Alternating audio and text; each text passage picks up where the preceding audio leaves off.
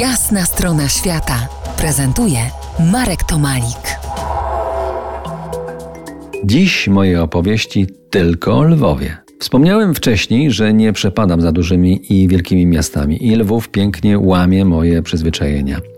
Podobnie nie gustuję w tak zwanych y, zabytkach, raczej unikam tras usianych perłami architektury czy miejscami ważnymi z historycznego punktu widzenia. Nie widzę nich nic złego, ale jakoś mnie nie wciągają. Oczywiście znowuż z małymi wyjątkami. W tych lwowskich wyjątkach hitem numer jeden jest dla mnie katedra ormiańska. To taka perełka wschodu, niewielka, ale pełna mistycznego sakrum. Dwa razy trafiłem tam na churalne śpiewy, które kolejny raz zakręciły czasem, Raz było to w godzinach porannych, kiedy przez okna wpadały równoległe promienie słońca oświetlające tu panujący półmrok.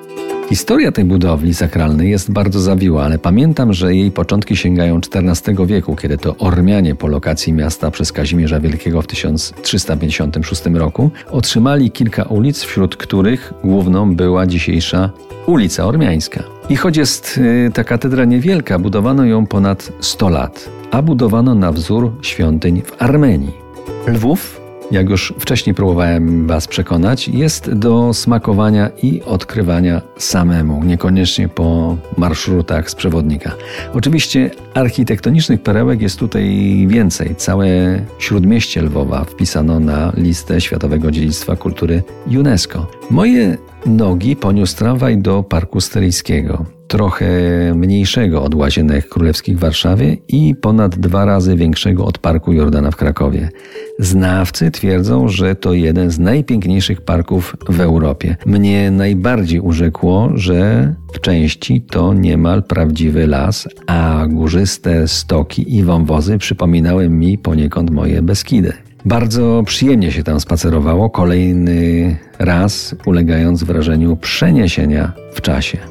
Podobnie kiedy z samiutkiego centrum poszedłem na spacer na tak zwany Wysoki Zamek. Trochę odrapana była to droga, ale uświadomiła mi, że chyba najmocniej, że Lwów pod względem położenia przypomina mi nie tyle Kraków, co moje miasto Bielsko-Białą. Rozpocząłem wędrówkę po Lwowie cytatem piosenki filmowej Włóczęgi śpiewanej przez Szczepcia i Toncia. To i zakończę moje wspomnienia cytatem, bo przecież RMF Classic to najpiękniejsza muzyka filmowa. Czy bogacz, czy dziad, jest tam za pan brat. I każdy ma uśmiech na twarzy, a panny to ma słodziutkie ten gród, jak sok, czekolada i mniód. To była jasna strona świata w RMF Classic.